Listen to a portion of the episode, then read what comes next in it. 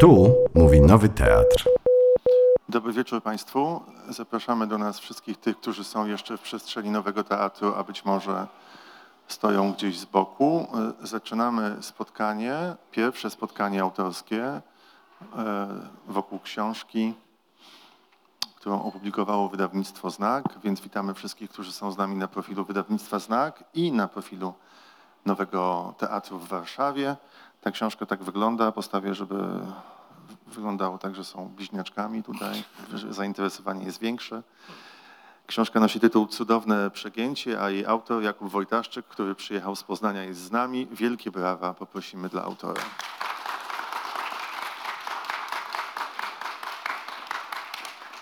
Co pozwala też osobom oglądającym w internecie doświadczyć takiego wrażenia, że oto jest tutaj tłum osób, które przyszły.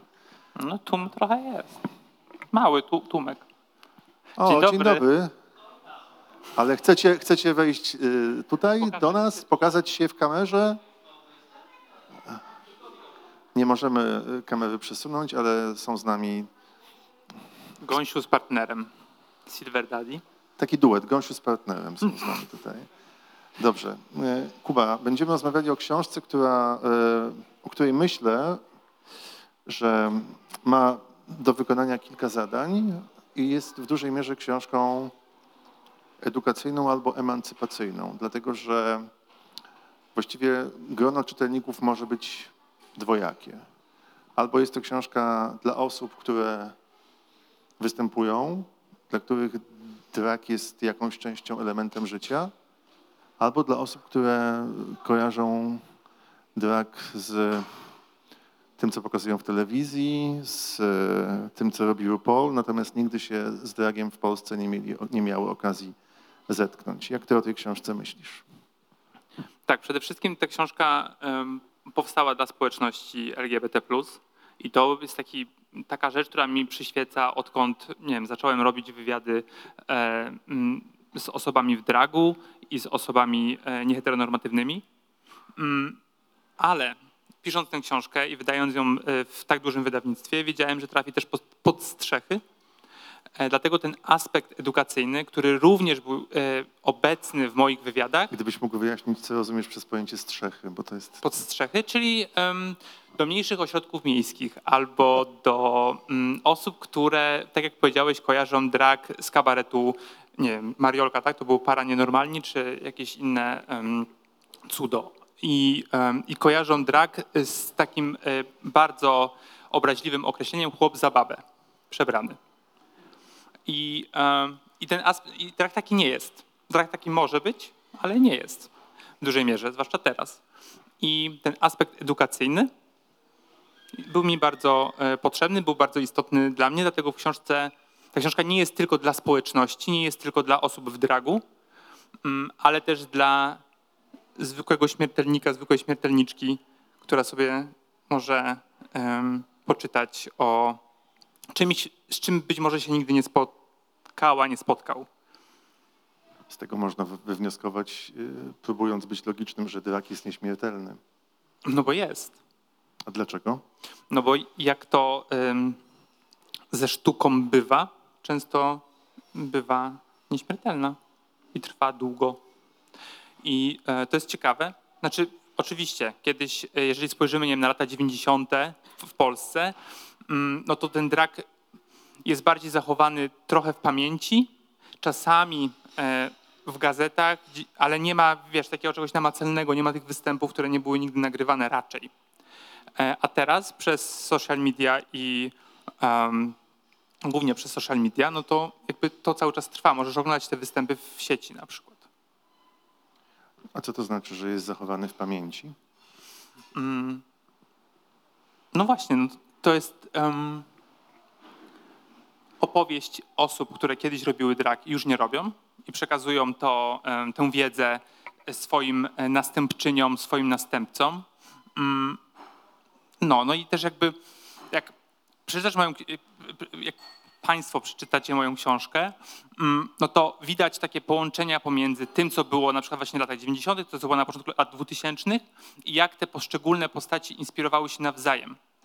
I um, jedną z pierwszych takich um, drag queens um, to była Lola Lu, która przyjechała y, do Warszawy na początku lat 90.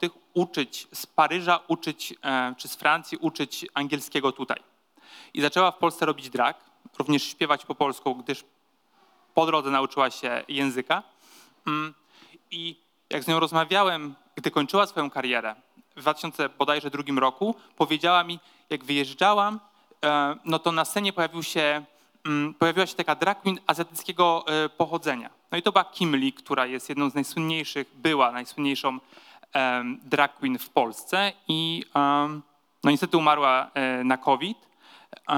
No właśnie i jakby widzisz, że tak naprawdę się inspirowały te postacie od siebie. I o, na przykład o Lolilu wielokrotnie mi powtarzał, em, powtarzała mi Jaga, czyli inna z moich bohaterek, która też powiedziała, że Lola ją namaściła w jakiś sposób, ponieważ powiedziała jej, mm, teraz już mogę y, wyjeżdżać, mogę się wyprowadzić, ponieważ widzę ciebie i ty jesteś taką moją, mm, powiedzmy, następczynią.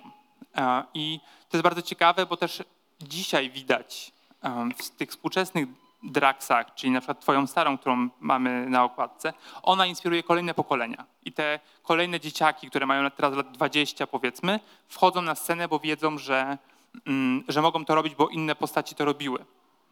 I Ale rozumiem, przepraszam, że wejdę ci w słowo, z tego co mówisz, że wcześniej to były po prostu jednostkowe przypadki. Dopiero teraz mamy do czynienia z czymś, co można by było nazwać wybuchem albo poszerzaniem się pola oddziaływania dragu. Nie wiem, czy to były jednostkowe przypadki, ale być może tak. Wydaje mi się, że po prostu to było bardzo ukryte. Tak samo jak były kluby e, raczej gejowskie, ale powiedzmy, że dla osób LGBT e, były ukryte w latach 90. gdzieś w piwnicach, e, bez szyldów. Na pewno nie tak jak teraz, że po prostu na przykład w Poznaniu są kluby, gdzie po prostu queerowa społeczność wychodzi na ulicę. I bo są, wiecie, witryny i tak dalej. Nie? Jakby w sensie mm, nikt się nie wstydzi już tego, kim jest i nie ukrywa się, bo pewnie ten strach pewnie jest duży, ale pewnie też mniejszy, mamy większą świadomość. I, i tak jak te kluby były ukryte, tak e, ten drag był gdzieś nie? w podziemiach. Pojawiał się na imprezach, e, był przerywnikiem, ale też em, no właśnie, no, był takim przerywnikiem od imprezy, na przykład, co wielu osobom e, z mojej książki na przykład przeszkadzało, że jak dojrzewali, chodzili do takich klubów, e, e, poszukiwali siebie, no to ten drag był czymś takim, mm, no, takim, co im, mm, jakby inaczej, Piotr Buźko powiedział, że, twoja stara powiedział, że on się bał, że jak dorośnie jako gej, to się stanie drag queen.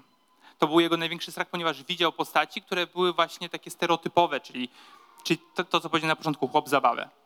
I to mu przeszkadzało, ale też musiał do, dorosnąć do siebie, musiał dojrzeć, musiał zrozumieć swoją e, orientację, swoją tożsamość. Nie wiem, czy to jest kwestia tego, że się obawiał, czy po prostu tak się jakoś najadał obrazami, które pokazywały media w bardzo konserwatywnej Polsce, bo na przykład kiedyś oglądało e, przekazy z Parad Równości albo e, z różnego rodzaju wydarzeń, to właściwie największą uwagę polskie media e, kierowały na osoby w dragu, takie, które miały być e, no, jakby wyjaśnianiem polskiemu odbiorcy, polskiej odbiorczyni, czym jest e, albo jak może wyglądać osoba nieheteronormatywna, co oczywiście jest bardzo krzywdzące. Natomiast może to było źródło tego lęku. No tak, ch- chłop z piórami w dy. I to tak najczęściej było po, pokazywane. drodze. W drodze, no na pewno, w drodze. E, tak było pokazywane, i, ale to, to jakby, no oczywiście, jakby kultura, przez to, że żyjemy w kulturze e, heteronormatywnej, która e, no jakby karze nas za takie przejawy e, nienormatywności, queerowości, które nie, nie pasują do takiego mm, stereotypowego podziału binarnego mężczyzna-kobieta. Mm, Na pewno tak było, ale musiał, musiało pojawić się coś, co to, ten obraz zmieni. No i czy chcemy czy tego, czy nie chcemy, no to takim według mnie em, programem był właśnie wspomniany przez ciebie RuPaul's Drag Race, który pokazał, że drag po prostu może być sexy. Wszedł do mainstreamu e, i, no i pokazał, że można się bawić swoją tożsamością, swoją płciowością, a, I to jest, i też jakby wiele postaci, zwłaszcza z tej dzisiejszej sceny, powiedzmy 30-parolatków mówi, że, że ten RuPaul był takim, mm, tak, takim elementem decydującym, który po, pozwolił wyjść na scenę, spróbować. Tak, tylko w przypadku RuPaul to jeszcze było tak, że mm, ona w dragu śpiewała piosenkę z Eltonem Johnem, więc cały świat ją zobaczył w teledysku, gdzie oni wspólnie wykonują jeden z jego utworów, więc w sposób naturalny stał się elementem mainstreamu. I e, na świecie, tym bardziej normalnym, na zachodzie, nie ma już z tym żadnego problemu. A jak jest w Polsce? To znaczy, ja mam wrażenie, że dalej drag w Polsce jednak jest e, czymś niszowym. No, Rupola nie mamy. Jak zapytałem em, niektóre z moich e, osób, e, z którymi rozmawiałem, mm, osób bohaterskich, czy Rupol w Polsce, program Rupola jest w Polsce możliwy, no to większość powiedziała, że nie, ponieważ nas jest za mało. Pomimo, że ja uważam, że dragów w Polsce jest bardzo dużo i jest coraz więcej tych postaci. E, Faktycznie zastanawiałem się pisząc tę książkę, czy, czy, czy drag jest głównie dla społeczności, czy jest głównie w społeczności. I pamiętam, zadzwonił do mnie e, mój naczelny z repliki, że czy chce przeprowadzić e, z, magazynu, w którym współpracuję, czy chce przeprowadzić wywiad z Saszą Welur. To jest taka mm, drag queen, która wygrała dziewiąty sezon Rupola, która jest postacią taką dla wielu moich bohaterów i bohaterek e, ważną, ponieważ e, pokazała, że drag może być trochę inny niż takie kobiece przedstawienia. I podszedłem do moich e, głównie heteroznajomych i powiedziałem, że podekscytowany, że to jest dla mnie wielka szansa, że to jest super postać, że ja uwielbiam ten sezon Rupola i tak dalej. Nikt nie wiedział, co to jest. Jakby, jakbym powiedział, jakby dla mnie to było coś niesamowitego, że w społeczności ta postać może być tak istotna, a dla hetero, osób hetero e, niezainteresowanych być może też programem, mm, ona w ogóle nie istnieje, nie ma jej na radarach. I to też mi dało do myślenia, e, że żeby tę książkę prowadzić trochę inaczej. No, że tam ten drag jest, ale jednak te postaci. najważniejsza jest biografia tych postaci, ich motywacje do działania i tak dalej. W sensie, dlaczego ten drag y, jest dla nich istotny i czemu w niego e, weszli, weszły. I też są przypisy wyjaśniające pojęcia, żeby każdy mógł się i każda tam odnaleźć. I być może dlatego ta książka może być emancypacyjna pod tym względem, że osoby, które wcześniej nie znały dragu, mogą go poznać i wiesz, googlować na przykład, sprawdzać w social mediach, jak te postacie wyglądają, co robią. I zrozumieć, że drag to nie jest em, zboczenie na przykład, albo jakieś, jakaś fanaberia, tylko to jest sztuka. Jakby też dla, dla e, wielu osób e, jest to em, oczywiście tożsamościowe w dużej mierze, ale cały czas em, no jest to artyzm, w to wszystko, w tym wszystkim taki, wiesz, połączony, jak DNA. Ale może jest jakaś iskierka nadziei, a właściwie taka fala nadziei, która się teraz przez, e, zaleje Polskę, dlatego że wreszcie po tylu latach jest książka, która opowiada o dragu i wyjaśnia pojęcia podstawowe, bo książkę kończy słowniczek, który pozwala osobom nie mającym nic wspólnego z dragiem albo nie należącym do społeczności LGBTQIA+, IA+, e, zrozumieć wszystko, e, o czym piszesz i o czym mówią twoje bohaterki, twoi bohaterowie, ale potem się wydarzy coś jeszcze, to znaczy za chwilę ludzie z pokolenia na przykład moich rodziców obejrzą w internecie serial, w którym e, w rolę drag queen wcieli się Andrzej Seweryn. No jak wiesz, facet z ziemi obiecanej nagle po prostu będzie ojcem, który występuje w Paryżu jako drag queen, to może też dojdzie do jakiegoś rodzaju przewartościowania, że to się też, myślałem o tym dzisiaj, bardzo ciekawie zbiega w czasie ze sobą.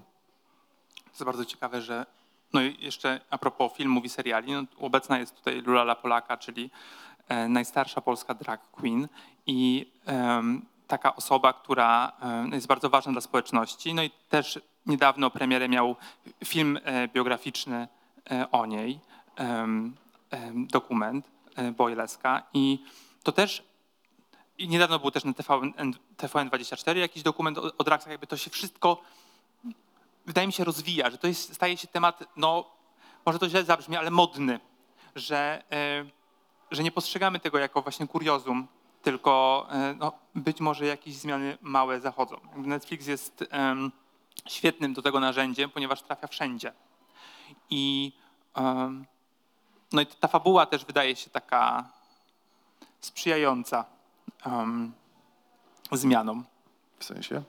No, jeżeli z tego co rozumiem, to Andrzej Seweryn s- Paryża przyjeżdża do małej miejscowości w Polsce, do swojej córki Marii Peszek i tam jest jakiś em, kryzys wśród pracowników, że nie mają pieniędzy na coś. Najpierw on jej ratuje życie, oddając nerkę, A, no dobrze. No to je, jeszcze, nerka. właśnie, prawda? To jest bardzo ważne w dragu. E, więc oddaje jej nerkę, a potem no, musi dojść do siebie, jest rekonwalescencja i okazuje się, że to jest miasteczko, w którym jest jakiś kryzys w kopalni i przez kulturę e, ona chce zająć e, tych górników, którzy trochę nie mają chyba zajęcia, jakoś odwrócić ich uwagę od tego, że świat jest beznadziejny i niesprawiedliwy. No, I tutaj to drag jest wjeżdża- idealny do tego. Tak? Dla No. górników czy do opowiedzenia tego na świecie? Myślę, że dla wszystkich. Dla do powiedzenia i dla, dla e, górników, tak? Skojarzyło mi się, ta fabuła skojarzyła mi się z takim filmem mm, Pride. Nie wiem, jak jest po polsku. W, w, w każdym razie, y, jak? No właśnie, z 2014 roku, że y, osoby ze społeczności e, nieheteronormatywnej e, z Londynu jadą na, na prowincję zbierać kasę dla górników e, i tak budują tolerancję. No i jakby wydaje mi się, że to jest możliwe, że jeżeli em, zdejmiemy taką pogardę, wiesz, którą żywią osoby, które nie mają pojęcia, czym jest gej, lesbijka, y, nie wiem, drag queen, cokolwiek. E, I zobaczą właśnie człowieka za tym makijażem, że to jednak jest, no niczym się nie różnimy tak naprawdę. Mm, no ta tolerancja, wiem, że to może brzmi górnolotnie, ale no, mam taką nadzieję, że może coś się zmieni. Ale bardziej tolerancja czy akceptacja? Bo w twojej książce też pojawiają się takie Akceptacja. wypowiedzi, że tolerancja to jest coś zupełnie innego niż akceptacja. No tak, taki mój skrót myślowy. No mi się wydaje, że akceptacja. No bo tolerujemy coś, czego niekoniecznie musimy akceptować.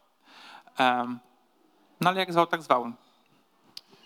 Chciałem cię zapytać o to, jak wyglądała droga do tej książki, a właściwie jak wyglądało mapowanie bohaterów, dlatego że mm, jak już o tym powiedziałeś, teraz właściwie osób, które występują, są w dragu jest o wiele więcej niż kilka, kilkanaście lat temu. E, I paradoksalnie w próbie opowiedzenia o tym środowisku, o tych osobach, o tych postaciach, e, mogłeś się zdarzyć z czymś, co byśmy nazwali przesytem. To jest stolik różnych wydarzeń dzisiaj tutaj na boku, chcę tylko powiedzieć. I, I trzeba było jakoś spróbować stworzyć sobie listę tych postaci, które, o których opowiadasz.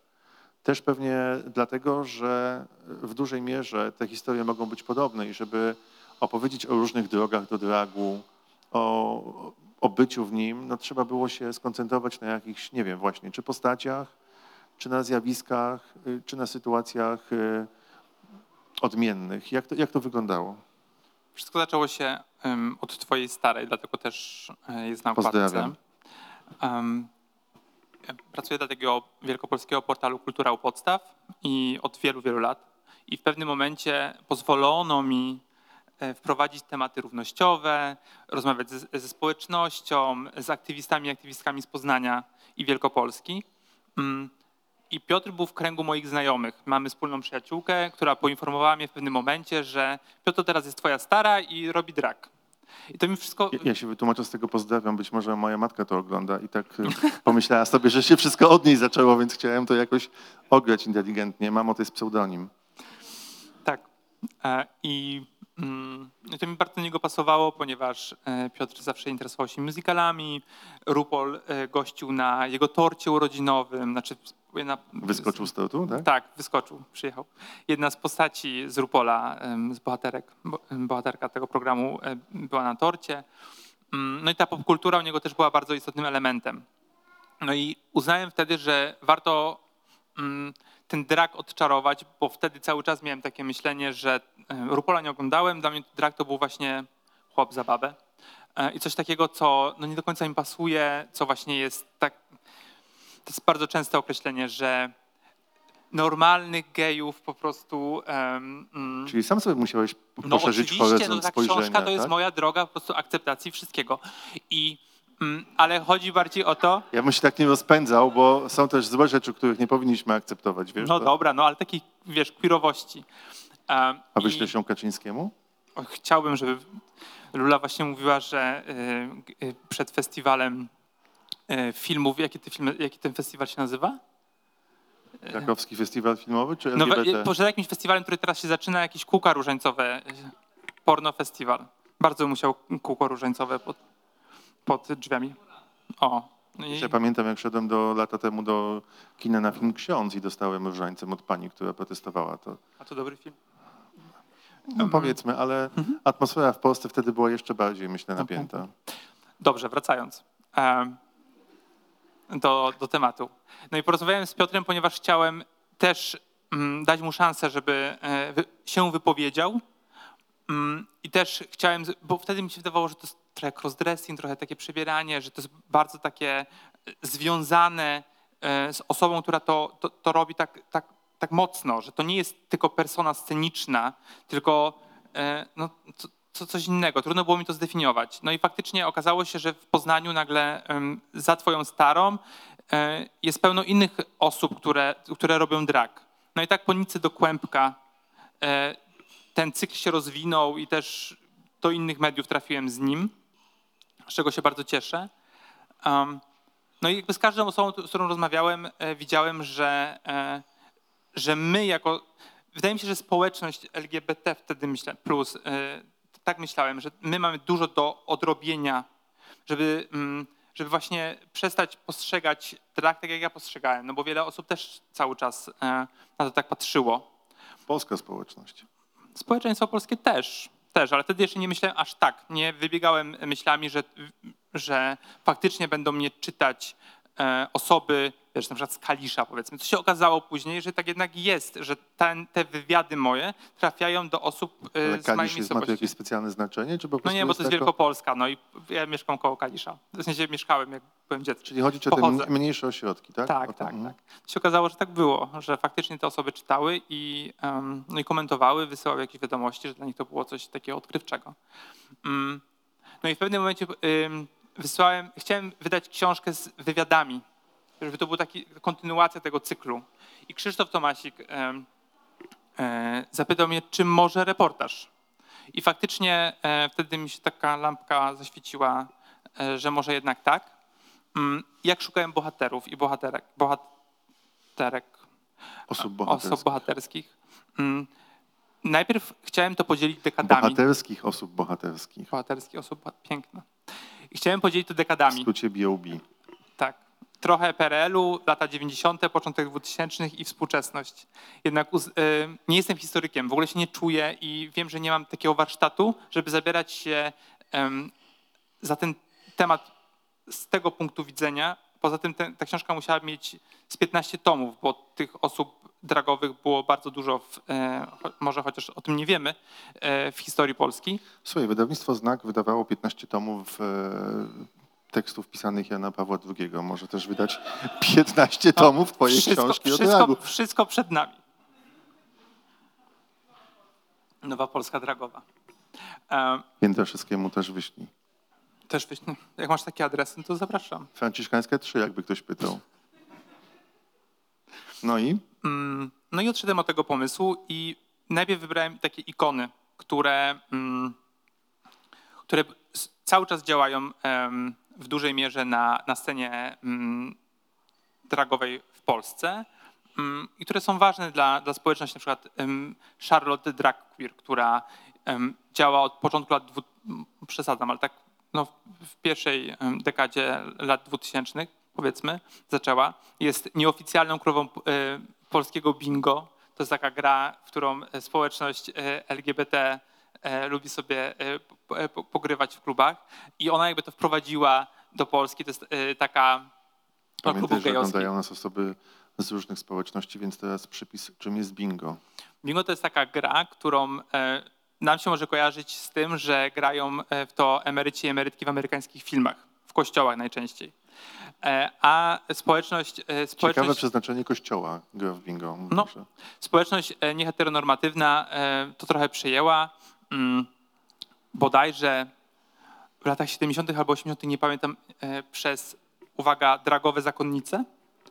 Mm, I zorganizowała, e, te dragowe zakonnice zorganizowały właśnie bingo na rzecz e, imigrantów z Kuby w Ameryce, mm, nieheteronormatywnych. No i em, dzisiaj to wygląda tak, że po prostu losuje się te numerki i tam się zakreśla na, na, na kartce, gdzie są te numerki i ile się zbierze, no to można krzyknąć bingo, jest super. No ale jakby to jest tylko pretekst do zabawy, do lip-syngu, czyli do, mm, do występów dragowych, czyli e, śpiewania z playbacku, rus- ruszania ustami do, do, do muzyki. Mm, No i do takiej zabawy, do, do, do budowania społeczności.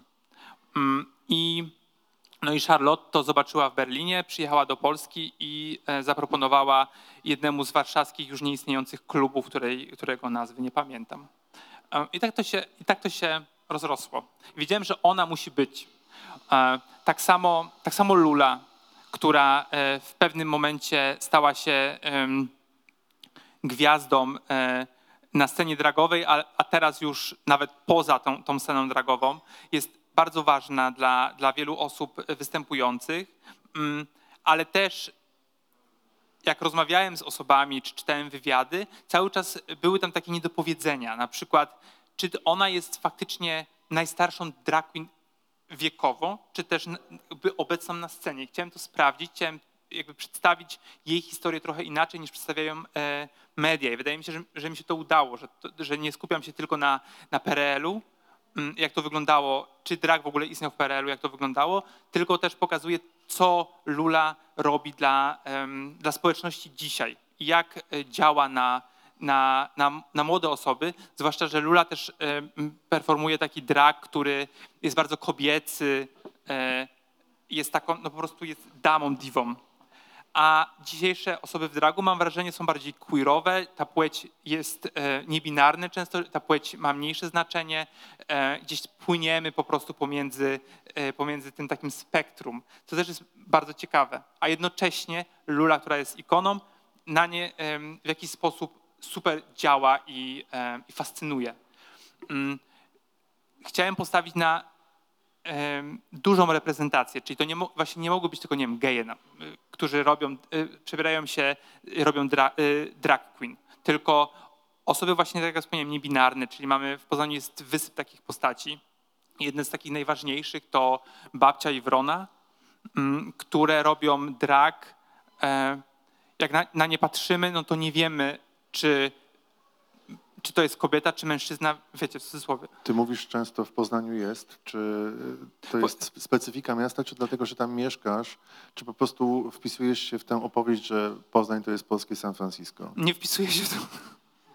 Ale mówi się, że Poznań to jest queerowa stolica Polski, ale wydaje mi się, że faktycznie no tak jest, nie? No, tutaj mamy reprezentację. Em, Oni mieszkają w Castro w Poznaniu, w tej dzielnicy.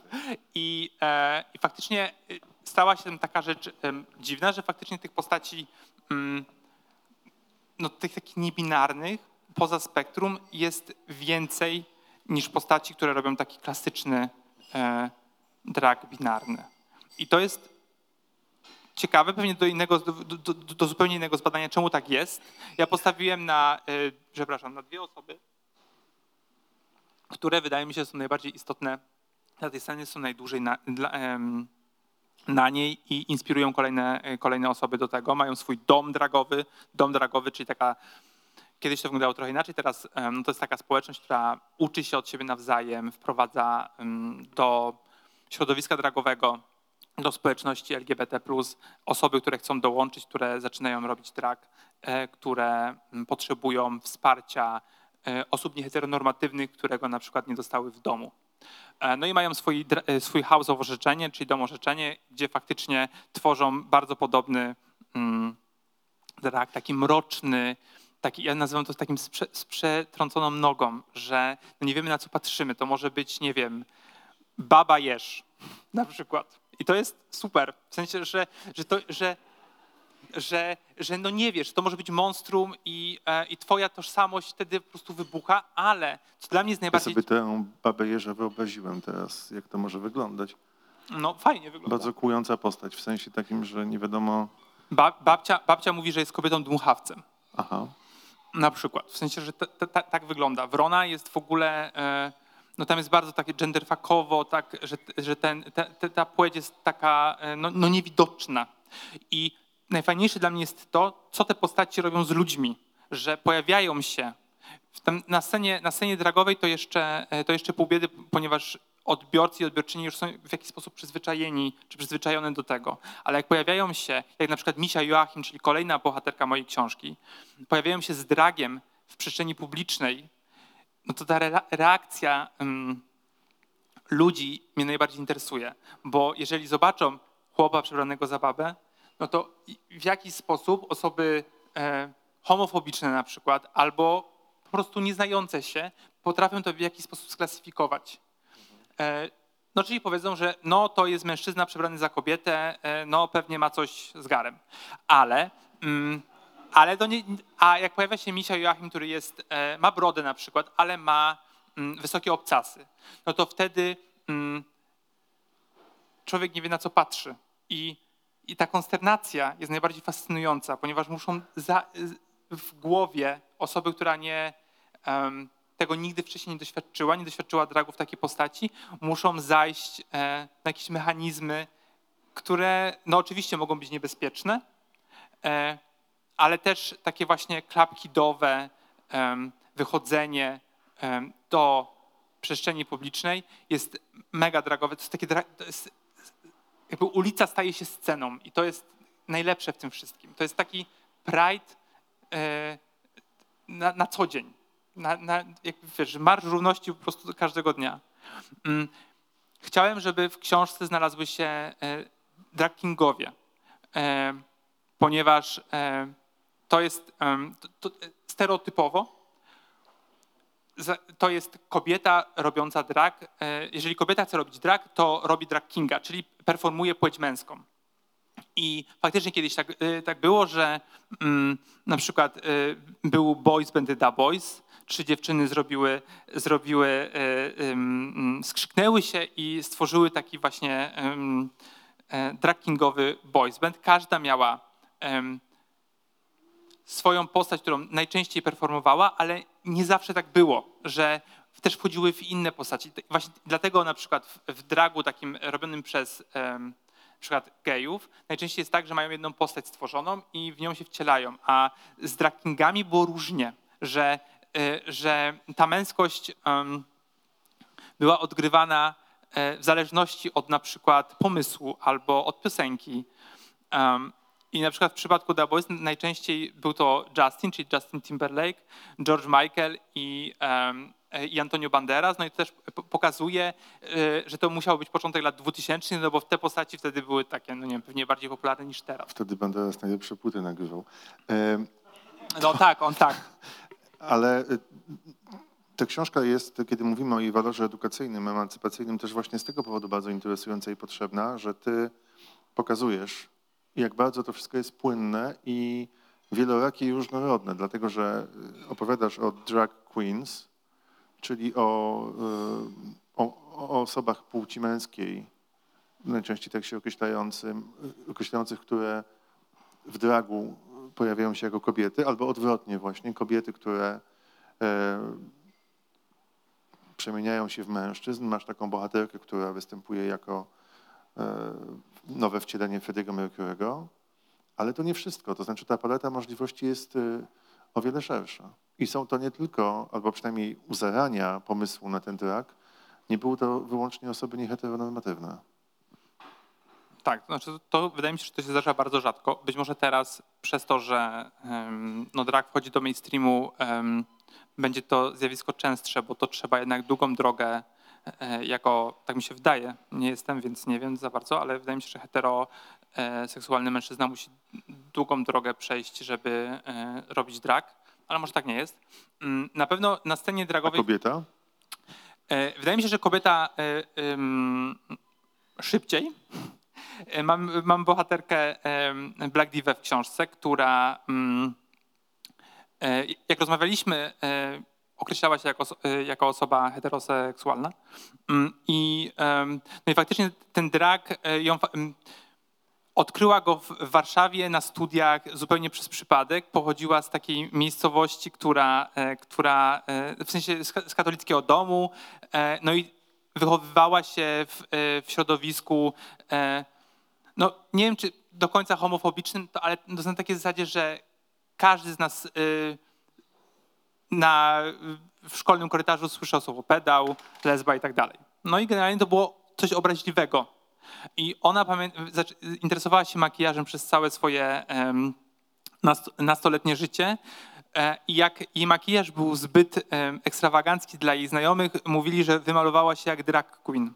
Więc jak przyjechała do Warszawy i koleżanki ją zabrały na imprezę dragową, e, no to i miał być tam drag, no to trochę się przeraziła, w sensie nie wiedziała, jak ma to wszystko e, rozgryźć, odebrać. E, no i w, poszła na tę imprezę i wpadła, zaczęła googlować, zaczęła sprawdzać na Instagramie te, te, te osoby, uczyć się od nich, spotykać się. E, no i ten drag jej się na maksa spodobał. I stworzyła sobie swoją postać, zupełnie jakby oderwaną od tej, od tej osoby, którą była, była wcześniej. Pewnie pomogła jej w tym wszystkim jeszcze do tego burleska, czyli to jest taki, żebym teraz nie skłamał, e, bo o tym trochę piszę, ale em, tym się nie do końca znam. E, Jest taki per, per, performance, który e, polega na artystycznym rozbieraniu się na scenie, e, na imprezie i to jest performance, który też jest jakimś takim na przykład przepracowywaniem, czy pokazywaniem, e, czy mówieniem o czymś istotnym. Znaczy to nie jest striptease. Patrzę na gościa, który ma za sobą ten, e, ten epizod. Czy dobrze mówi o burlesce, czy czegoś nie dopowiedział? Okej, spoko, za- zaliczone. Mów Dziękuję, dalej. Mhm. dziękuję. I, em, I faktycznie połączyła e, ten drag i tą neoburleskę ze sobą. No i powstała ta Black Diva, która em, no też jest fascynującą postacią, ponieważ e, odbiorcy i odbiorczynie na przykład oddają jej cześć. Jakby przyjęło się, że, że na przykład mówią do niej modlę się do pani Divo, ponieważ y, albo y, jakby przepraszam za Polskę pani Divo. E, I e, Ja bym tego nie uniósł na jej miejscu, szczerze mówiąc. No. Prze. Jest okej, tak? No jest tutaj e, obecna Paulina. Em, Wiemy, I- gdzie można się udać do spowiedzi. Tam jest taki konfesjonał tak, stojący. można porozmawiać. I no jak widzicie, to po prostu tych postaci, ja wiem, że mówię jakby o nich by nie istnieli, bo dla mnie to są trochę postaci literackie e, poniekąd, bo są w mojej książce, e, ale po prostu te historie są różne, jakby te drogi dojścia do, do, do dragu, e, każda z tych osób ma zupełnie inną. I jakby docieranie do, do, do, do takiego jądra siebie jest długie, krótkie, ale na pewno różne. I mm, to jest ciekawe. Jeszcze chciałem wrócić, e, bo, bo powiedziałem e, Zapiszmy to zdanie. Docieranie do jądra siebie może być długie albo krótkie. To jest- Paulo Coelho. Em, Chciałem jeszcze tylko powiedzieć, że bo powiedziałem o drag kingach, ale em, em, kobiety również e, mogą być drag queens na przykład. Co jest, co do niedawna było po prostu uważane za w społeczności za, za, za zniewagę, jakby kobiet się nie dopuszczało. E, Jeżeli, chciała, e, jeżeli e, kobieta chciała robić drag, mm, no to musiała być drag i tyle. Albo nazywać się na przykład Fopa Queen, czyli, czyli fałszywa królowa. No i mam taką bohaterkę też z Poznania, Lola Ajoni Potocki, która jest najwspanialsza. I ona nazywa się drag queen, ponieważ dla niej ten drag jest naj, najbardziej istotny, ponieważ nie chce być królową, ona chce robić drag. I, i jakby performować e, czy to płeć, e, czy to płeć e, męską, czy, czy żeńską, jakby dla niej to nie, nie- ma, ta, ta płynność też jakby się zaciera. I opowiadała mi, w tej książce jest o tym mowa, że brała udział w, w, w balu vogingowym, teraz będę musiał tłumaczyć, to, jest, to sobie Państwo przeczytają w książce, jak ktoś nie wie. I Tak faktycznie jednym zdaniem. Nie da się. No to jest długie. No jest taka, to jest taka impreza, powiedzmy, dla osób, e, dla osób nie. Tam na końcu to chyba ma stronę to wytłumaczenie, więc nie czytaj tego. Ja sobie streszczę i po No prostu... to stre, streść. Ale nie ma właśnie. No jest, jak nie ma. Jest ballroom na pewno. No, tak. Tak, Przy, tak. przy piwku. Przy kiełbasce i te, te, te, te, Bo, ballroom to, są ta, to jest taki jakby konkurs, konkurs em, w którym się performuje, powiedzmy. I em, jedna konkurencja jest, e, czy nawet dwie, przeznaczone dla osób w dragu, dla drag queen. Tak do tej pory się, e, to nazywało i faktycznie Lola wychodziła ze swoją koleżanką, która e, też się utożsamia z płcią kobiecą i z pł- płcią żeńską i ją jury odrzuciło, tą przyjaciółkę, ponieważ odkryła od razu, że jest, e, że jest kobietą. Jakby to, on to nie może być drag queen. A Lo- Lolę e, pomylono z mężczyzną. I, e, I mało tego, że wygrała jakby tą całą konkurencję, to na końcu w, jakby w takim mm, na, na fali uniesienia, nie wiem, może chciała zaprotestować, jakby podniosła górę swojego kostiumu i pokazała piersi i wszyscy po prostu byli w wielkim szoku, że kobieta robi drag. I mm, to dla niej jest bardzo kluczowe wydarzenie, ponieważ e, jakby też wtedy jakby w, przynajmniej tak mi opowiadała, że jakby y, w samym ballroomie się w polskim trochę zmieniło, jakby, że faktycznie te kobiety zaczęły być dopuszczane i tak dalej. Mm, I to jest fajne, że, że nawet w samej społeczności czy w środowisku dragowym jakby zachodzą zmiany, e, że to cały czas, ten drag cały czas ewoluuje, że nie trzymamy się jakichś sztywnych reguł, bo jeżeli mielibyśmy się trzymać sztywnych reguł, to y, drag to byłaby tylko drag queen, która występuje w nocy w klubie gejowskim i tyle. E, A tak to no jest to takie, wiesz, zjawisko, może to być zjawisko codzienne, jak powiedziałem. Dobrze, to miałem trzy pytania ukryte, ale już na nie odpowiedziałeś. Okej. Więc chciałbym teraz e, pójść dalej i zapytać Cię o, jeszcze trochę zostając przy samym procesie pracy nad książką, o to, co było trudne, bo na pewno e, przyjemne było poznawanie bohaterek, bohaterów, e, wchodzenie w ten świat, poznawanie ich drogi do dragu. One były bardzo różne, czasem bardzo świadome, czasem były wynikiem zaskoczenia, i- jak o tym mówiłeś.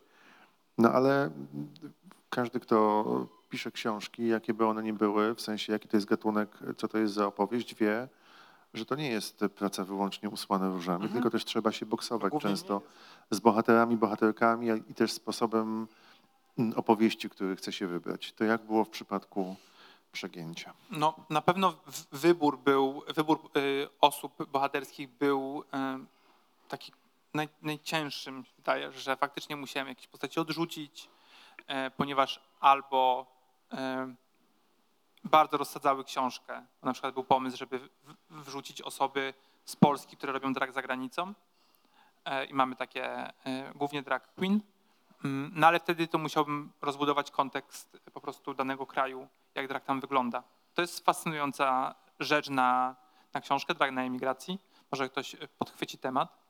Mm, Więc to musiałem odrzucić. No, jakby Ale są takie osoby, które emigrowały z Polski właśnie dlatego, że nie mogły tego robić u nas i chciały czuć się sobą tam, gdzieś E, poza z Polską. Tymi e, dwiema bohaterkami, którymi rozmawiałem, y, Drak się narodził w Polsce mm, i mm, Coco Bechamel, która jest w Stanach Zjednoczonych, e, dopiero zaczynała w Polsce ten drak, raczkował i wyjechała tam i faktycznie on tam gdzieś e, rozkwitł. E, I Krystyna Korps, która za, zaczynała w Poznaniu, była bardzo obecna e, w, e, w, w, w mieście, na scenie dragowej i też robiłem z nią wywiad właśnie do kultury u podstaw, Mm, ale w pewnym momencie poznała mm, drag queen z Niemiec, przeprowadziła się tam i jeżeli się nie mylę, ale ch chyba wzięli ślub. Tak? No. I, e, I to jest super, że jakby tworzą taki powiedzmy duet, jakby w- sensie, że są też to są takie, takie mroczne, to, będę się za, em, rozwijał. On, to są fascynujące postaci, które też są zupełnie inne. I wiem, że jest duże skupisko, skupisko polskich e, drag queen w Londynie. E, I e, jedna z nich e, była bardzo obecnie, b- była silnie obecna na scenie polskiej. Mm, Ale no to faktycznie jest zupełnie historia na, na inną książkę. Mm, No więc ten, jakby ten, mm, ten wybór był, był, takim, był problematyczny, ponieważ trochę już napisałem do niektórych osób, że no chciałbym, żebyś, żebyś był, był, była w książce i teraz muszę powiedzieć, że no jednak sayonara nie macie. E, I, no ale no tak musieliśmy z wydawnictwem po prostu te, w jakiś sposób e, wybrać te postaci. No i też ciężki był język, bo starałem się, żeby on był najbardziej równościowy, jak to jest możliwe. Żeby nie był tylko czytelnik, mm, tylko żeby przykład końcówki były e, zachowane. Niektóre osoby używają mówiąc używają e, jednej formy, ale proszą, żeby zapisywać inaczej. Więc to wszystko po prostu już takie, to takie na maksa techniczne. E, I z moją redaktorką, Sylwią e, Ciulą siedzieliśmy e, po prostu godzinami i, i sprawdzaliśmy, czy faktycznie e, wszystko siedzi.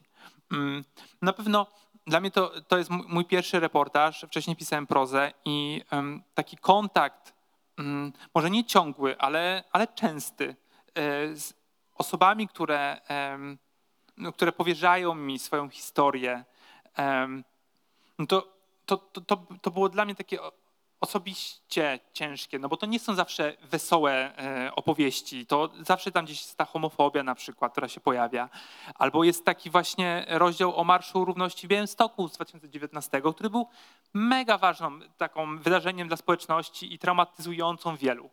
Mm, No to było takie rzeczy, które ja musiałem e, odchorować. To skoro jesteśmy przy tej opowieści o Białymstoku, za chwilę wrócimy, bo mm, jedną z twoich bohaterek jest siostra Mary Reid, która właśnie na Marszu Równości w Białymstoku była i właściwie dostarczała opiekę nad e, przerażonymi nieheteronormatywnymi dzieciakami, które stały się ofiarą ataku e, grup faszyzujących. Staram się być delikatny w wypowiedzi teraz. Ale zanim o tym, to chcę powiedzieć jeszcze, że bardzo ciekawe jest też e, w tej książce to, że udało się pokazać, z jak wielu różnych środowisk ludzie płyną w stronę dragu. Bo masz tam i aktora Teatru Narodowego, i ludzi z korporacji, którzy y, wdzierają się na scenę dragową, że właściwie mm, nie ma jednej ścieżki, ale też jest to na tyle szerokie pole, że każdy się tam odnajdzie, każdy tam, tam znajdzie siebie.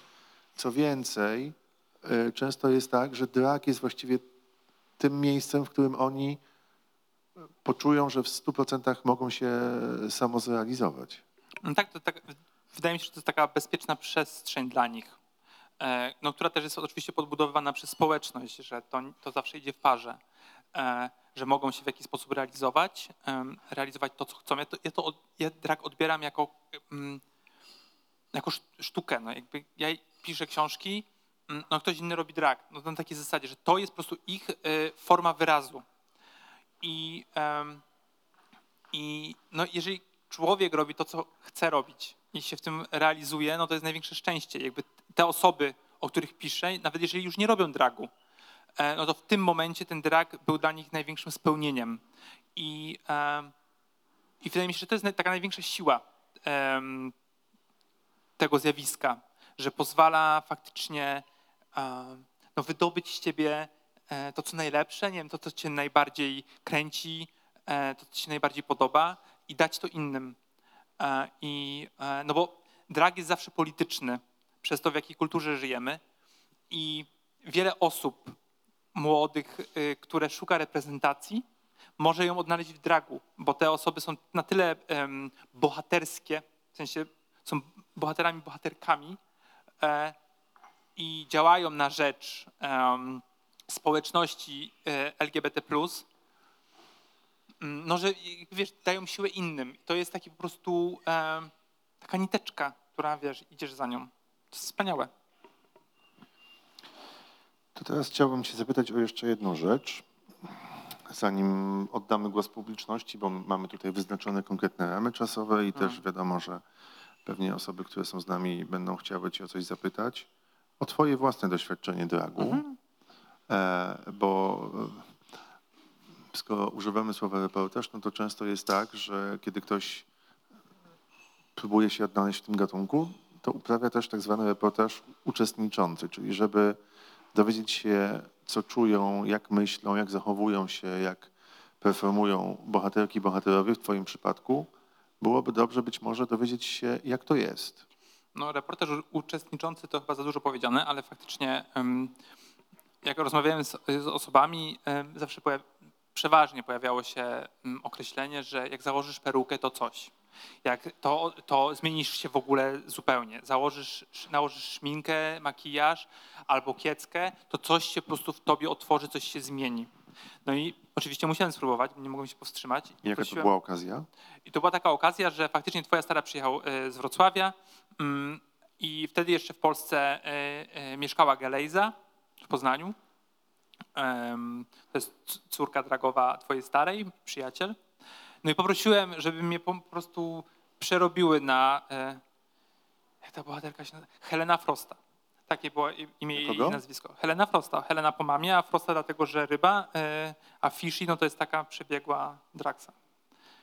A, tak jest. Prze- tak się pokazuje przebiegłość, żebyśmy Tak wiedzieli o tym. E, I faktycznie siedziałem tam, nie wiem, z 3 godziny, 4 godziny, e, grzało słońce, bo to był sierpień i jeszcze lampa, e, która oświetlała moją twarz. No i faktycznie Galejza tam jak nad kotłem po prostu ze starą stały i coś tam próbowały wyczarować. Mm. I, no i był ten makijaż, była ta kiecka, była ta peruka na końcu, jak ta korona, po prostu takie ukoronowanie. I nie poczułem nic zupełnie. Po prostu byłem taki bardziej, może nawet nie, że zirytowany, że to tak długo trwa, e, ale e, to było takie, no po prostu ciekawe, że, że nic nie było tam dla mnie.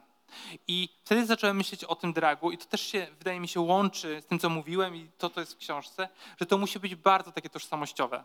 Że to nie może być po prostu, że ktoś sobie, o ja teraz, znaczy oczywiście może i, i może to wtedy zaskoczyć, jak założysz tę perukę, oczywiście każdy jest inny, ale w moim przypadku tak się nie, nie stało. Em, I pamiętam, że mówiłem o tym Misi Joachimowi i, powiedziała mi, że no może jakbyś nie wyglądał jak ty, to byłoby inaczej. Czyli to był też oczywiście przytyk do tego, że może makijaż był nie, nie do końca. Em, bo Misia Joachim też jest artystką, e, make-upistką.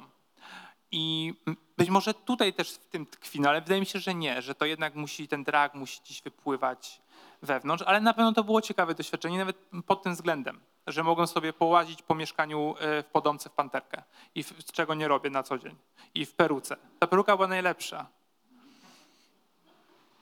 Mimo, że nic z tobą, niczego z tobą nie zrobiła. No nie, znaczy to wiesz, no był fan, nie? Trochę jak, wiesz, no nie wiem, czy... Pamiętam jak, jak, jak miałem lat, dwu- y, jak, jak, jak, jak był ten przełom 2000-2001, to ile miałem lat wtedy? No powiedzmy 10, 14, 15. To faktycznie to był miał być koniec świata wtedy. Więc założyłem, e, założyłem taki wielki sweter mojej mamy i z balonu zrobiłem sobie piersi, bo chciałem zobaczyć, jak to jest. No nie było końca świata, ale drag gdzieś może pozostał. I, to, i wtedy tak, też nic nie czułem. Ciekawe, że postanowiłeś spróbować dragu, a właściwie zobaczyć, jak to jest być może być kobietą, w sensie performować akurat dlatego, że świat miał się skończyć. No nie? To jest ciekawe. Nie pomyślałem o tym wcześniej, teraz mi to przyszło na myśl. Ale e, no tak było. Mm, No, ale W pamiętam, sensie, że jak ma być oczywiście... koniec świata, niech się dzieje, niech się dzieje co chce. Tak? Tak, no, no tak, może, nie wiem.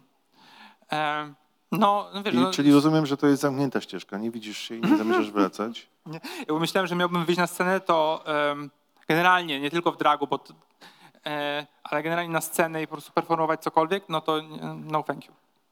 To jest jednak duży strach. Dobrze, to teraz jeszcze rozmawiając o, o, o istocie tej książki i różnego rodzaju jej walorach oraz myśli, która towarzyszyła powstawaniu. Jest oczywiście tak, że kiedy się ukazuje książka, na którą wiele osób czekało, bo to jest pierwsza właściwie taka opowieść o polskim drangu i o też pokoleniowości jego, no bo właściwie teraz e, wreszcie jest moment, w którym można opowiedzieć o, o tym, co było w latach 70., 80. Jest tam taka piękna opowieść w rozdziale o Luli, że odwiedzali ją koledzy i wskakiwali na, na stolik i po prostu performowali w ramach rozrywki, śpiewali, ale to wszystko działo się za zamkniętymi drzwiami. Teraz to jest bardziej dostępne, chociaż w Polsce no dalej drag się do mainstreamu nie przedostał jeszcze tak bardzo, jak wiele osób by tego chciało, więc to pewnie przed nami. Ale myślę też, że ta książka y, wielu osobom może poczuć się y, sobą u siebie i na miejscu. Nie tylko w dragu, tylko w ogóle z tym, e, jakie myśli im towarzyszą w życiu, kim są, jak się czują. Mm, I książka oczywiście już jest y, od kilku dni na rynku, ale wiadomo, że są tacy czytelnicy, którzy rzucili się wcześniej, albo tacy, którzy właśnie zaczynają czytać, ale na pewno wiążą z nią duże nadzieje.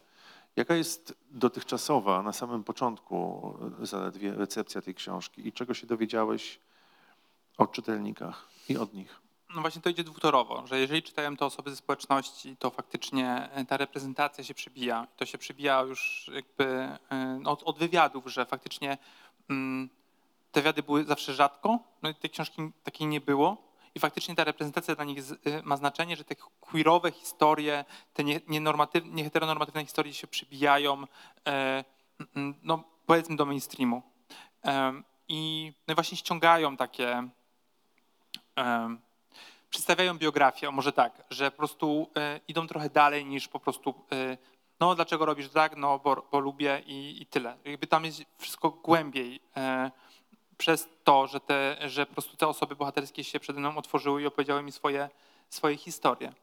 A z drugiej strony osoby, które na przykład dragu nie znały albo, albo interesowały się tak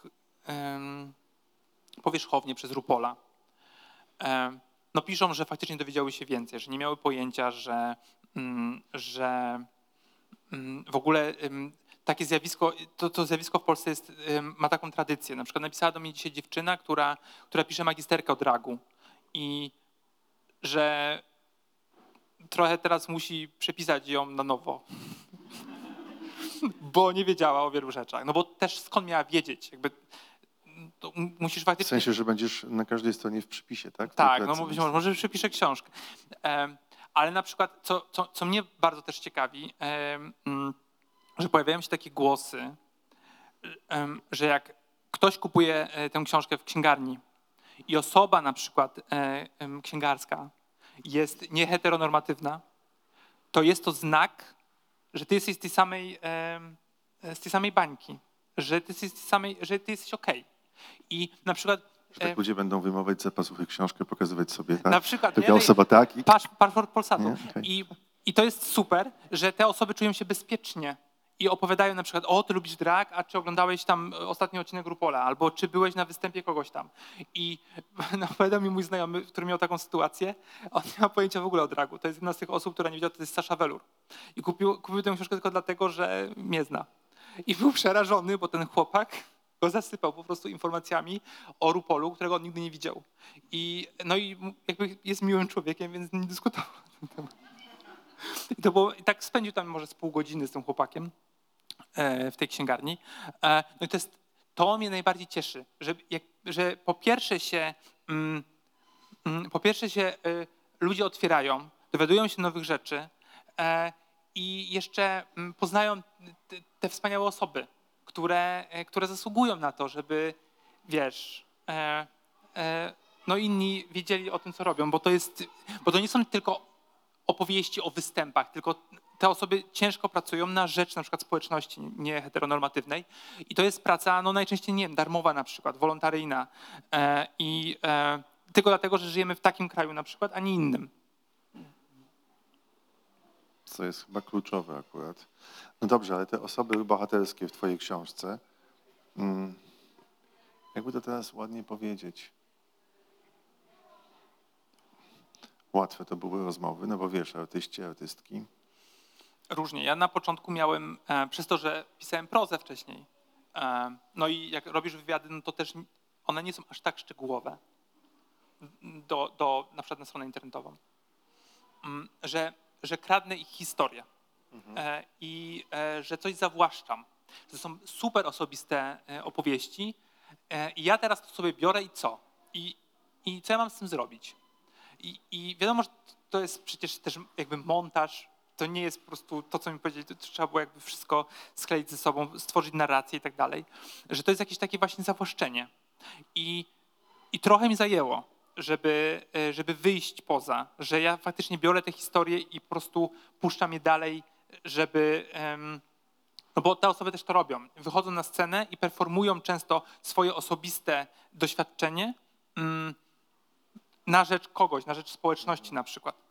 I, I jak uświadomiłem sobie to, że ta książka też może tak działać i że te osoby się zgodziły na te rozmowy, że też chcą y, brać udział w tym projekcie, że to nie jest tylko mój wymysł, moje jakieś tam widzi mi się, że o teraz robimy o, o dragu, bo jest modne, bo jest RuPaul w telewizji, na Netflixie, e, tylko że faktycznie e, jest to nasze jakby takie, wiesz, rzecz wspólna dla kogoś, dla innych.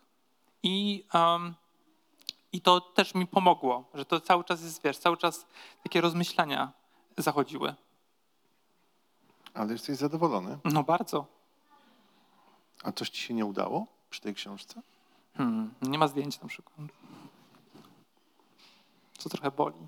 Ale, Spojrzałeś tak w stronę podłogi, żeby osoby z Żeby- wydawnictwa nie... nie pat- ale, ale jest, spotkać jest się z- Instagram, jest Google, można sobie zrobić, wygooglować. Mhm. E, nie, nie mam takiego czegoś, że coś mi się nie udało. Że wydaje mi się, że, mm,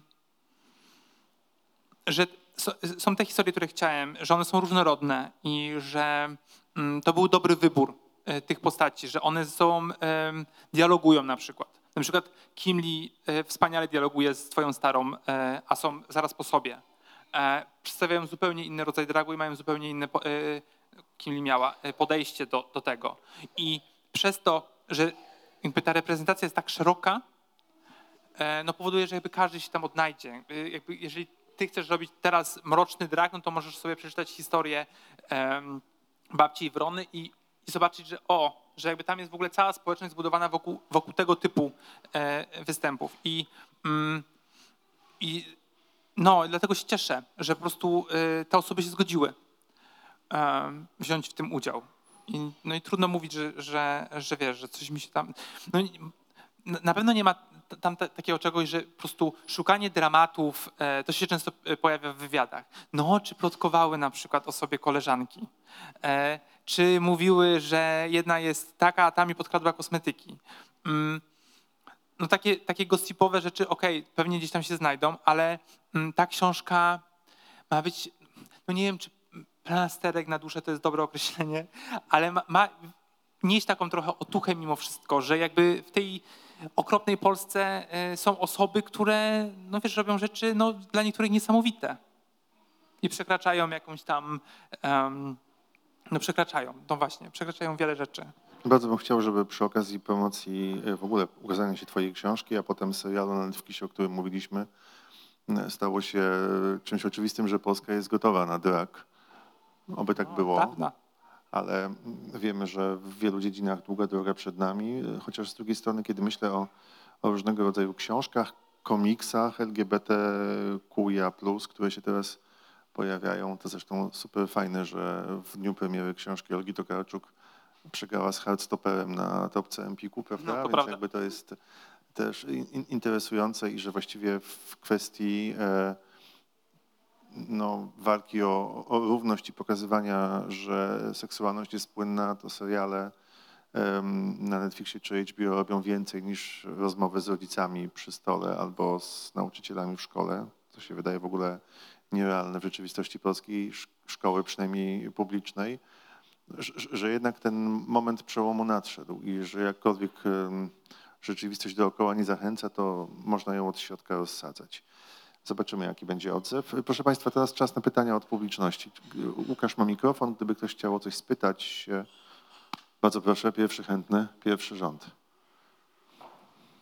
E, Cześć, dziękuję. E, Ja mam takie pytanie tutaj do Kuby, bo mm, ja tam gdzieś tam działa, działając aktywistycznie od iluś lat dotykam się najczęściej właściwie z taką homofobią zinternalizowaną, czyli jednak dostaję najwięcej hejtu na Instagramie, czy na Gringe, czy gdziekolwiek od osób, do których trafia to, co robię. Poniekąd świadomie trafia, bo obserwują te różne, nie wiem, rzeczy, gdzie tam coś działam. E, I czy do ciebie też takie rzeczy trafiają, bo jednak działasz czy w Replice, czy w innych właśnie też e, mediach i teraz przy tej książce, czy też piszą do ciebie mm, osoby ze środowiska, które cię za to hejtują?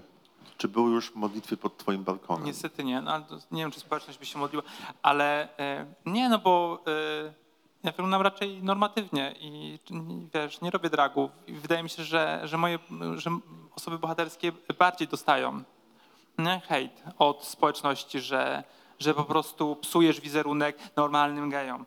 I to jest takie po prostu e, odwieczne, mam wrażenie, że to się zawsze pojawiało, nie, e, nieważne z, e, z jaką osobą rozmawiałem z książki, nieważne czy mówimy o latach 90., czy mówimy o współczesności, zawsze jest ten sam po prostu e, łańcuszek, że on psuje, że heterycy nas nie zaakceptują, no dajmy spokój. Jakby i, I wiesz, do mnie to nie, nie, nie trafia. No, może, może trafi, ale to jest też tak, że mm, jestem autorem, a e, osoby bohaterskie to one robią ten drag, tak jak powiedziałem, nie? że to bardziej w tę stronę. Ale można chyba tylko jeszcze dopowiem, poszerzyć to pytanie w ogóle o to, czy ten rodzaj aktywności, którą ty prowadzisz, czyli pisanie, pokazywanie, e, robienie wywiadów, e, pogłębianie wiedzy ogólnospołecznej na temat środowiska osób nieheteronormatywnych, czy to też na ciebie hejtu nie sprowadza? No właśnie nie. No Trochę tak bym chciał, ale e, nie żartuję, ale, ale faktycznie jest tak, że, że za każdym razem jak, e, jak publikuję jakiś kolejny wywiad, em, to gdzieś się po prostu pojawiają takie pozytywne, pozytywne komentarze.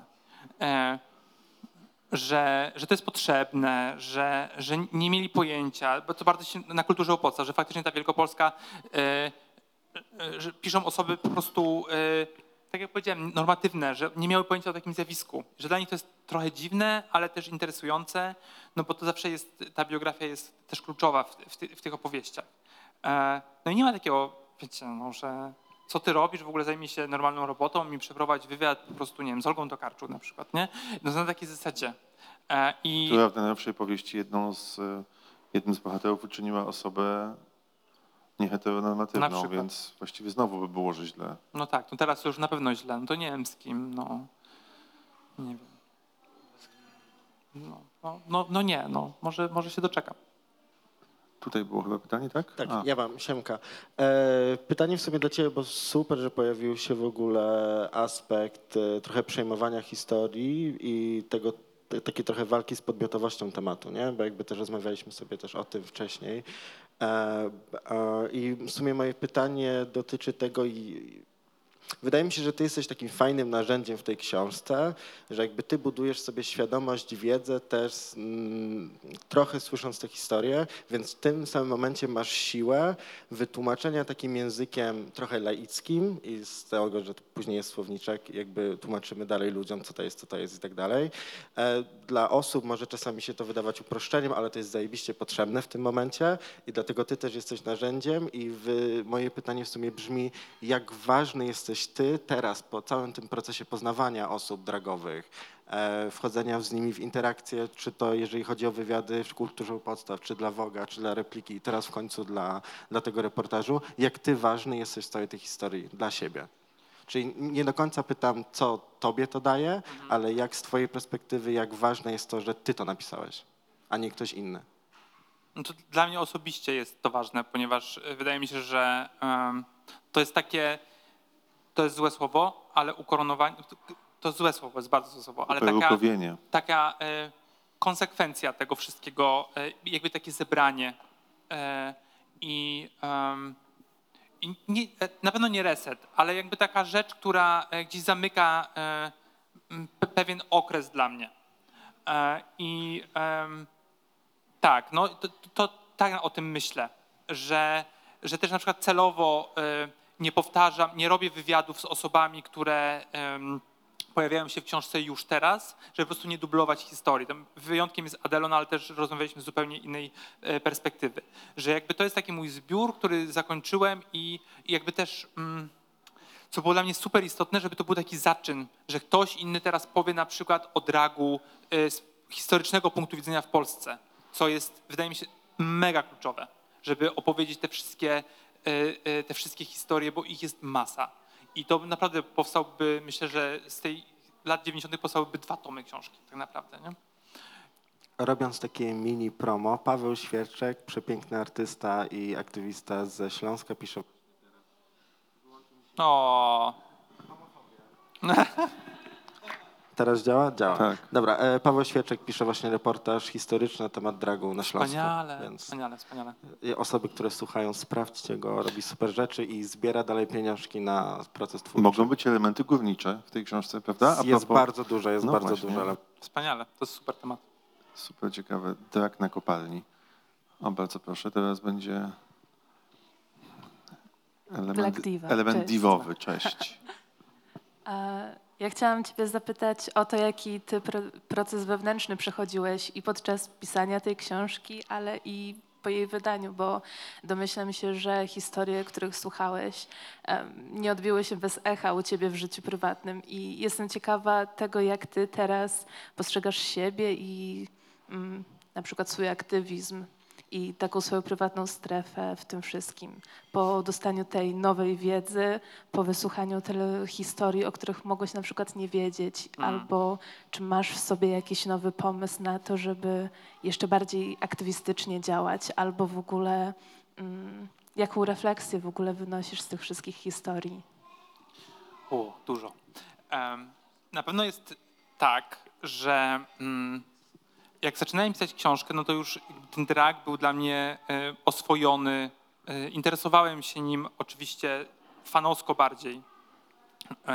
Się oglądałem po prostu e, i, i Rupola, i, i, i, te osoby bohaterskie. Mm, Ale na pewno nie miałem takiej wiedzy o nim, jak mam teraz, że to cały czas, to pisanie było dla mnie edukacją i wykonywałem ją poznając te, te postaci, te osoby. I jeżeli na początku na przykład pisania dla mnie coś takiego jak em, niebinarność, to wie, jakby jestem osobą tolerancyjną, więc jakby okej, w sensie no jesteś osobą niebinarną, super, będę się do ciebie zwracać tak jak chcesz, mm, ale Czy akceptującą? tak akceptującą, no trochę klisza językowa. Ale teraz mam takie wrażenie, że, że jak poznaję na przykład osobę właśnie niebinarną, czy osobę, em, osobę trans, to w mojej głowie nie zachodzą żadne procesy, że ja muszę się zastanowić, okej, jakby to jakby jak, mój mózg nie, nie przychodzi żadnej jakby drogi. Dla mnie to jest takie po prostu oczywiste, no to, to powinno być oczywiste, no ale jednak żyjemy w takiej kulturze, a nie innej, więc zawsze to pytanie gdzieś w mózgu się pojawia. I u mnie się już to nie pojawia. I, e, i czuję się e, z tym dużo lepiej. W sensie, że nie kwestionuję jakichś rzeczy, nie, nie zastanawiam się. Oczywiście można to robić. E, można z tymi osobami porozmawiać i dowiedzieć się e, ich historii, jeżeli chcą e, mm, ją wyjawić. Mm, i to jest, było dla mnie takie też bardzo istotne, że, że ja się stałem, o, to będzie, to będzie lepszym człowiekiem. Ale no tak, no, no tak trochę jest, że, że, że mm, im większą mamy reprezentację, tym my stajemy się po prostu inni w jakiś sposób, lepsi na pewno. Słuchaj, a tak e, na boku, zanim wrócimy do publiczności, bo obserwując e, proces powstawania tej książki na twoich mediach społecznościowych, widziałem jakiego rodzaju napięcie ci towarzyszyło i takie, te, takie nerwy. Teraz korzystając z okazji chciałem pozdrowić Bartka. Jak twój partner znosił proces powstawania tej książki? Mm. No chyba tak klasycznie, że po prostu e, ma, marudziłem mu. Wychodził z domu. mm, z psem na spacer, tak, że marudziłem mu dużo, że oczywiście przeklinałem, e, bałem się na pewno i on gdzieś musiał z tym e, być taką e, deską ratunku ostatnio, że po prostu że daj spokój, że wszyscy ci mówią, że jest w porządku, to dlaczego ty mówisz, że jest jednak beznadziejne, E, ale wydaje mi się, że to nie jest nic takiego innego, ale to też było dla mnie ciekawe, bo jak, y, jak robię wywiady i wrzucam je w sieć i tam nie wiem, reklamuję, że czytajcie tutaj kolejny wywiad z, y, z osobą X, to nie towarzyszą mi takie emocje, że ktoś powie, że o, beznadziejny wywiad. A przy okazji, przy, jak wychodzi książka, no to jednak jest to takie napięcie, że i to napięcie było takie... Mm, No tak, ta świadomość, że wywiady są w sieci, a teraz Wojtaszczyk może być w wielu domach na półce, prawda? Mm, wydaje mi się, że internet do, dociera dalej niż książka, ale, mm, e, no ale oczywiście y, też jakby e, z takim e, własną, e, własnym dowartościowaniem polecam terapię, jest y, w porządku i e, to również pomaga. Więc e, na pewno jest wiele dróg, żeby em, znaleźć spokój wewnętrzny przy, przy pisaniu e, i no, zwłaszcza no, jednak nowego dla mnie gatunku. Czy ktoś jeszcze chciałby zadać pytanie?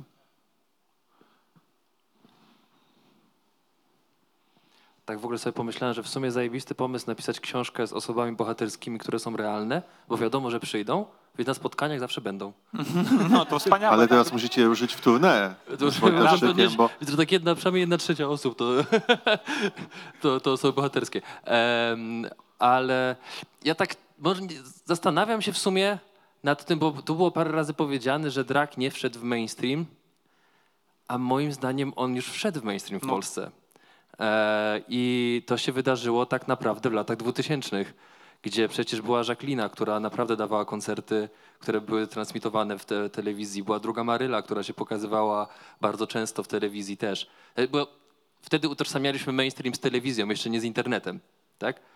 E, no przecież Jaga, która funkcjonowała Jest. cały czas. Ja, mi się wydaje, że nawet wcześniej, znaczy, jeszcze może wcześniej nawet, bo ja może, no, no bo tak, Lola Lut, o której wspominałem, ten, ten Francuz, jakby był wszędzie. Nakręcił na przykład e, pilo, e, pilot e, talk show z Martyną Wojciechowską, która e, ona go uczyła jeździć na ścigaczu, on był w dragu na przykład. I to miało zostać wyemitowane, ale on się nie zgodził e, z jakichś tam przyczyn, tak, że chyba za dużo czasu mu to zaj- zajmowało. Jakby on po prostu odrzucił, ponieważ był na okładkach pism. Na przykład Tomasz Kamel go zaprosił na swoje urodziny, o czym napisał fakt. Jakby ta postać była na maksa obecna, ale też było trochę tak, że to zawsze było coś takiego. Wydaje mi się, że, na, że w 2000 też tak było, że to zawsze było coś takiego. ciekawostką. No właśnie. takim Pokemonem na, tak, na ekranie. tak, Oczywiście, tak, że tak, tak. tak. I Ale było w mainstreamie, mi się wydaje. Bo te, teraz mamy podobną sytuację, przecież jest Chimera, która jest w ogóle Tak. z lodówki wyskakuje. Tak. E, bardzo dobrze, bo to bardzo fajna postać. też w książce. E, też jest w książce. Jest e, Papina, która ma tam jakiś Fort Boyard, czy, czy coś takiego. Słucham? Jest Fame MMA teraz przecież. Że przy Pink MMA, gdzie się dwie draksy na... Tak. No tak, no to się wszystko zmienia, ewoluuje. Więc wszystko się zmienia, więc oczywiście. wydaje mi się, że drag jest e, w mainstreamie, no tylko na zasadzie ciągle takich trochę Pokemonów, ale No i też zobacz, że najczęściej to są jednak, e, to są jednak, e, e, to jest taki drag mocno kobiecy, nie? to taki prawda, stereotypowo. to prawda, że nie ma tego, że nie jest to szerokie spektrum dragu, mam nadzieję, że to się niedługo zmieni. Mm, w sensie, że tylko kobiecy drag, to, to, tak zrozumiałem. I Robiony przez facetów. No. No. mam nadzieję, że spektrum za niedługo się, się, Tak, tak, się tak. rozszerzy, ale no nie wiem, jakby ja trochę tak Znaczy, Tu- to tupię na pewno nie jest, na, na pewno nie jest tak, że to na pewno nie jest tak, że to jest cały czas pod ziemią, bo to jest niemożliwe. To jest jakby zbyt, e, wiesz, ta książka wychodzi, nie? Pojawia się serial na Netflixie, jakby to, to pokazuje, że jest głód tego tematu. Oczywiście mówimy cały czas o takim, no bo jakby Andrzej Seweryn też jest tam po prostu laską, nie? która po prostu wychodzi i hej. I oczywiście jest, e, już pomijając Ale w fakt, samym że jest serialu będzie Lola Janiu Potocki. tak, tak, to fajne, to jest właśnie super. I, i faktycznie coś się zmienia, no i, ale no to też, wiesz, to kiedyś były takie przypadki jednostkowe, a, a teraz już... Mi się wydaje, chyba- że byśmy byli dużo dalej, gdyby nie to, że i teraz tak znowu pójdę Że- że politycznie, PiS? gdyby nie PiS nie doszedł do władzy. No być może tak, nie? Bo w tym momencie wszystko, co niebezpieczne, czyli, czyli brokat, bo zostało schowane do kieszeni. E, No, no bo to też tak było, też tak było z Rupolem, że jak, się, jak y, on w latach 90. był super popularny, ale pojawił się Bush, no i musiał się schować. Dopiero za Obamy gdzieś to wypłynęło. No i teraz już jest tak popularny, że jakby trudno y, było Trumpowi go tam gdzieś pewnie upchnąć, nie? Jego administracji. Ja powiem, więc- że to nie chodzi o Kate Bush, która teraz... Mhm, tak. No więc jakby no wszystko przed nami. Że niekoniecznie musimy mieć polskiego Rupola, ale, e, no, ale tę reprezentację, e, generalnie reprezentację nieheteronormatywną fajnie widzieć e, w mediach. Może też niekoniecznie musimy mieć PiS cały czas. No tak, to mam nadzieję. Prawda? Czy ktoś jeszcze chciałby zadać pytanie, czy rozchodzimy się do zajęć w podgrupach? Mhm. Dobrze, proszę Państwa. O, jeszcze Lula, bardzo proszę. No tak, siedząc, słuchając Kuby i, i tych rozmów i jego ze mną u mnie w mieszkaniu i dzisiaj tak sobie pomyślałem, czerwiec, miesiąc dumy. No nie chcę użyć tu wulgaryzmu, ale cholera. Mamy operę narodową, Teatr Wielki. Mamy Teatr Wielki tuż obok. Jest tu zresztą Graża, która jest artystką w tymże zespole teatru. Aktualnie Mamy- zajęta. Mamy teatr stary. Kiedy się doczekamy narodowej sceny dragu? Takiej, w której będziemy miały prawdziwe garderoby, gdzie zapalimy sobie lampki przy prawdziwych lustrach. Dlaczego my ciągle mamy uprawiać kurwa rzemiosło? Jeżeli Piotr Gliński nas ogląda, to to jest No to- pytanie do Pana. Ja właśnie chciałem to do Kuby powiedzieć, że może razem z nim pójdę pod rękę i złożę petycję do No zapraszam. ministra. Chcę tam A być. wiesz, nie bardzo, to, nie bardzo to pewnie nam wyjdzie, dlatego że jeżeli urzędujący nam minister edukacji nie potrafi wprowadzić prawdziwych lekcji wychowania seksualnego w szkołach, to potem mamy takie obrazki, Ja jestem teraz w próbach w Teatrze Powszechnym, nieważne. Mieliśmy gości. Ważne, bardzo ważne. Mieliśmy, mieliśmy w sobotę 15-letniego chłopca, cudownego Stasia z Żoliborza, który opowiadał o tym, jak w szkole był traktowany, jak, dlaczego musiał zmienić tę szkołę, tylko dlatego, że przychodził w za mocnym makijażu. Miał, taką, miał takie życzenie, tak się w tym dobrze czuł, że dlaczego mu w tym przeszkadzać? No, dokładnie. I kiedy się doczekamy, żeby taki Staś, który na zadane pytanie w sobotę przez doświadczoną aktorkę sceny Teatru Powszechnego powiedział, że jest anglojęzyczny i tak dalej, ale że się bardzo intensywnie uczy języka niemieckiego. Odpowiedział krótko, bo chcę stąd wyjechać, bo się boję. Piętnastoletni chłopiec boi się żyć w kraju, w którym się urodził, ma rodzeństwo, ma cudownych rodziców. Gdzie my jesteśmy? Tyle. No, w Polsce. Proszę Państwa, bardzo dziękujemy za to, że Państwo byli z nami. Objawił nam się dzisiaj prawdziwy Paolo Dragerio, jeżeli chodzi o myśli różne wypowiadane, prawda? Jakub Wojtaszczyk, autor cudownego przegięcia. Wielkie dzięki, że mogliśmy się tu razem spotkać. Dziękuję bardzo.